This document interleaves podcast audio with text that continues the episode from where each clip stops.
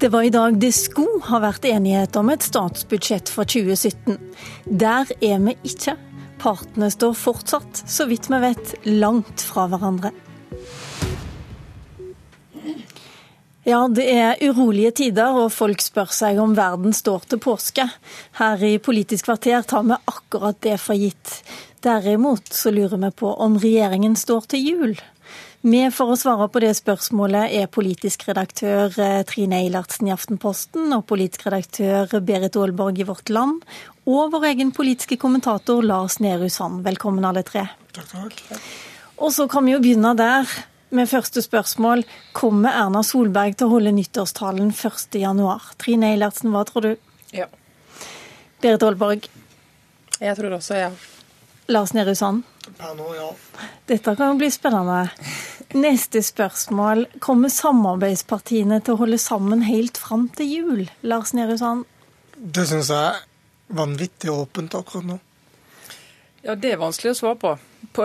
Ikke nødvendigvis i form av en samarbeidsavtale, sånn som de har gjort i tre år. Eh, men på en eller annen måte så regner jeg jo med at Erna Solberg sitter som statsminister, så støtte, i hvert fall for ett av de, har hun jo. Berit Olberg, for nøyaktig ett år siden så var det også omtrent krise i de forhandlingene. Ikke omtrent heller, faktisk. Det er sagt og skrevet i en bok etterpå at det var krise. Eh, skal vi tro det er enda mer krise, eller like mye krise i år? Ja, jeg tror nok det er eh, minst like mye krise i år. Og til spørsmålet om, eh, om alle de fire sitter sammen, så tør ikke jeg heller å spå det. Og det kan jo skje, kan jo skje mange ting. En av mulighetene er jo faktisk at Erna sitter, men at hun sitter alene. Det kan også være én mulighet av flere. Så det er, det er, vanskelig å spå akkurat nå. Det er, det, er krevende, det er, krevende, forhandlinger vi driver på med. Lars Nehru Sand, eller Dere har jo alle tre fulgt forhandlingene som har skjedd nå i løpet av helga, både fredag kveld og lørdag kveld. Hva er kommet ut av det, egentlig? Egentlig ikke så masse, fordi hovedpoenget har vært å, fra sentrumspartiene å prøve å få regjeringen til å eh, mot alle odds åpne denne bilpakken for forhandlinger. Det har man jo ikke klart. Så har det blitt slengt mange forslag på bordet begge veier, kanskje mest omfattende fra Venstre, med forsøk på å komme rundt denne bilpakken og få til klimagassutslippsreduksjoner på andre måter. Eh, når en av de forslagene fra Venstre er å øke CO2-avgiften, som jo også vil slå ut på den bensinprisen eh, man ser på, på pumpen, så, så, er det uaktuelt for eh, regjeringspartiene, spesielt Frp, å gå med på. Så Derfor så vil man, når man møtes igjen i, da, i ettermiddag, etter å ha regnet på dette i, i hele går, eh, sannsynligvis være på mange måter like kort som man var før man begynte med denne intensive runden på toppnivå på fredag kveld, nemlig at det er vanskelig å se for seg en utvei hvor sentrumspartiene føler det kuttes nok eh, CO2-utslipp i Norge neste år, og hvor eh, Høyre og Frp føler at eh, bilpakken er intakt, og at bilistene kommer akseptabelt ut av det sett med regjeringspartienes øyne. Altså, denne bilpakken og dette ultimatumet fra regjeringspartiene det ble jo lagt fram 30.9. Og siden har reaksjonene fra, fra, Venstre og KrF vært mye det samme. Vi kan jo høre hva Trine Skei Grande og Knut Arild Hareide sa etter et av møtene nå i helga. Det hviler jo et stort ansvar nå på regjeringa å få til en løsning. Og det å stille ultimative krav er ikke med på å bidra til det. Vi fikk en lovnad i forrige budsjett at det både skulle legges fram et betydelig skatteskifte, altså at man la på noen avgifter, men ga det tilbake igjen til folk i skatteletter. Eh, og vi ble lova at de skatteskiftene skulle føre til betydelige kutt i klimagassutslipp. Derfor er det veldig rart at regjeringa etter å lova det, legger fram eh, et ultimatum på å ikke gjennomføre et sånt skatteskifte, og på å ikke klare å nå de klimakuttene som de lova i forrige års budsjett. Trine Eilertsen, hvor lenge kan Trine Skei Grande og Knut Arild Hareide være overraska over dette ultimatumet som ble satt nå for snart to måneder siden? Nei, De er overrasket stadig vekk over ting som kommer fra regjeringen. Men, eh, men det som, når det ultimatumet kom, det kom jo en uke før budsjettet ble lagt frem. og Hensikten med det var jo nettopp å unngå dette. Det var jo på en måte å få sagt at akkurat denne diskusjonen anser vi oss som ferdig med. Vi kan ikke gå lenger. Vi, vi, vi mener vi har kommet Venstre godt i møte. Og Fra regjeringens ståsted så er det jo, eh, prøver de å få frem at bensin- og dieselavgiftene har økt mer enn de har gjort på årevis med Frp i regjering. og Hvorfor kan ikke Venstre heller feire det enn å kreve enda mer. Eh, sånn at Regjeringen gikk inn og håpet at det skulle parkere diskusjonen. Kanskje litt overrasket over at eh, reaksjonen fra Venstre ble så sterk som den ble, og at denne saken så da tvert imot det de ønsket seg, er det som har preget hele høsten og hele forhandlingen. Eh, men så bak det ligger det jo en helt altså Venstre mener oppriktig at nå trenger vi et klimapolitisk skippertak, fordi vi ligger langt bak utslippsmålene våre, både med tanke på 2020, men egentlig også med tanke på 2030. Eh, og sier at hvis vi skal greie det nå siste året før valget, så må vi gjøre noe helt drastisk for å få ned utslipp. Mens regjeringen sier vi tåler ikke ta så mye på så kort tid. Så det er, det er veldig vanskelig å finne ut hvor de skal møtes i en sak som er så satt på spissen, og der eh, det de ønsker å oppnå er så krevende å få til i et budsjettår. Men er ikke det en statsministeroppgave, en lederoppgave, å på en måte parkere den og si at sånn blir det, eller sånn blir det ikke? Jeg bare skjønner ikke helt hvor lenge de skal klare å si bastant fra FrPs side at vi rikker oss ikke, og fra Venstre at det, det må dere. Ja, eh, ja jeg, eh, jeg, tror jo det er veldig krevende å få det til. Men, men og kanskje var det litt altså Jeg tror også Eilertsen har rett i at de ønska å parkere denne debatten. Men kanskje var det litt naivt av Høyre og Fremskrittspartiet å tro at de skulle få til det på et tema de så å si redda budsjettet i fjor på å bli enige om at de skulle få til et ordentlig løft på. Så um, jeg tror at eh, det har vært et, på en måte et høyt spill fra regjeringas side, også i en mindretallsregjering, å sette et sånn ultimatum. Det er litt uvanlig, og det har nok ikke vært helt klokt av Erna og Frp å sette et sånn ultimatum så tidlig i denne prosessen. Er du enig i det, Lars Nehru Sand? Altså det, dette ultimatumet ble også satt på en sak hvor de fire hadde prøvd i nesten et år å bli enige om noe på andre nivå. Eh, og Så kom man ikke til noe enighet, og da forankra Frp hva som var akseptabelt for de, og så ble det på en måte en, en definert eh, krittstrek som man ikke skulle trå over. og Da eh, provoserer det selvfølgelig Venstre og KrF, som nettopp hadde forlatt noen møterom og sagt at de ikke var fornøyd med det alle fire synes å kunne ene om. Så kan du eh, som du sa i sted, alltid spørre om, om det er en lederoppgave da å, å, eh, skjære igjennom. Frem til nå virker det som Erna Solberg, som tross alt for første gang offisielt gikk inn i disse forhandlingene på fredag, har brukt helgen til å eh, prøve å finne eh, alternative løsninger. Og det er jo heller begrensa hvor lang tid man kan, kan bruke på det, uten å kun drive med nærmest utmattelsesarbeid fra begge sider. For det er klart Venstre hiver også inn mange forslag her som som, regjeringen reagerer på med samme måte, nemlig at dette er ikke realistisk eller politisk ønskelig fra, fra regjeringens side.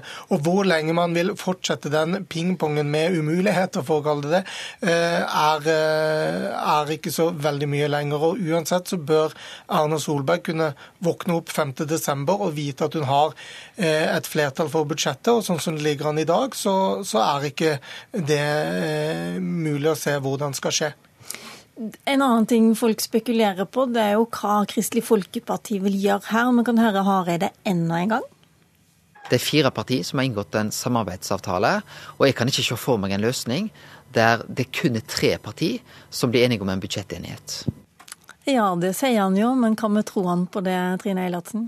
Ja, altså, Kristelig Folkeparti kommer ikke til å signere en budsjettavtale uten Venstre. Um, men, men, samtidig så er det vanskelig Du tror ikke det? Nei, ikke, ikke en budsjettavtale før avstemningen i Stortinget. Altså, hvis, det, hvis det blir, de følger opp samarbeidsavtalen, så, så, er det som alle fire partiene. Men det kan jo skje ting i Stortinget under avstemningen som gjør at KrF eh, på en måte redder regjeringen med et budsjett der KrF har fått en god del. De skal jo etter sigende ha fått en del på kontantstøtte og, en del andre saker som, eh, eh, som, betyr mye for KrF. For i baklandet til Knut Arild Hareide så, så, er det ikke opplagt at han vil få bli omfavnet hvis han avviser en del klare KrF-seire for å støtte Venstre i en, i en, klimapakke som ikke KrF er helt sånn ubetinget tilhenger av. Altså Venstre har tatt steg og blitt et eh, klimaparti, rent klimaparti i høst, men KrF er jo ikke der. De har jo mange andre saker de også vil markere seg på, og har ikke lyst til å bli hengende bare på den saken. Så det er krevende for Knut Arild Arild Hareide også i høst, altså.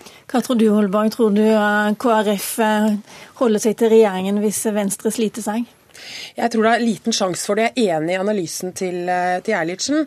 Og samtidig så er det sånn at altså jeg tror det, det, skal veldig veldig mye til før KrF går inn og redder regjeringa uten Venstre. Men det er jo også sånn at KrF sin stortingsgruppe på mange måter er litt delt. Altså Det er noen som også tenker tanken at det er en del penger å hente der til tiltak de ønsker å, å støtte. Men samtidig så tror jeg at det vil bli krevende å få med hele KrF og hele KrF sin stortingsgruppe og hele partiet på å redde Eh, redde Frp, så å si. Og uh, særlig fordi at man har vært veldig stolt over i KrF at Bondeviks regjering gikk en gang på, et, på en klimasak. Så, så, jeg tror at det vil være veldig krevende for deler av partiet å skulle redde, redde regjeringen når, mens Venstre blir stående igjen som klimapartiet. Men da det var krise, full krise i fjor, for nøyaktig et år siden igjen, så, så var det sånn at KrF kunne tenkes å ville, ville ha støtta budsjettet selv om Venstre sa nei, Lars Nehru?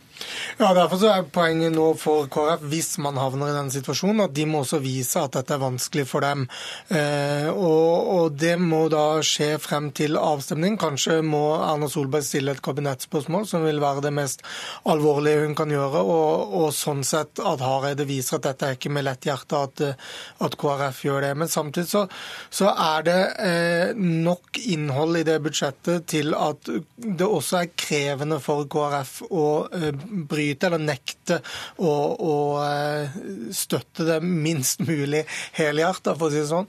Eh, og det er jo det dilemmaet KrF da eventuelt vil være i. Jeg tror de bryter, Hvis det blir brudd i forhandlingene, så tror jeg Venstre og KrF forlater rommet samtidig. Og så vil det være en enorm oppgave igjen, en lederoppgave da for Erna Solberg, eh, å få KrF med i folden. Og ikke nødvendigvis ved å signere en avtale, som Eilertsen er inne på.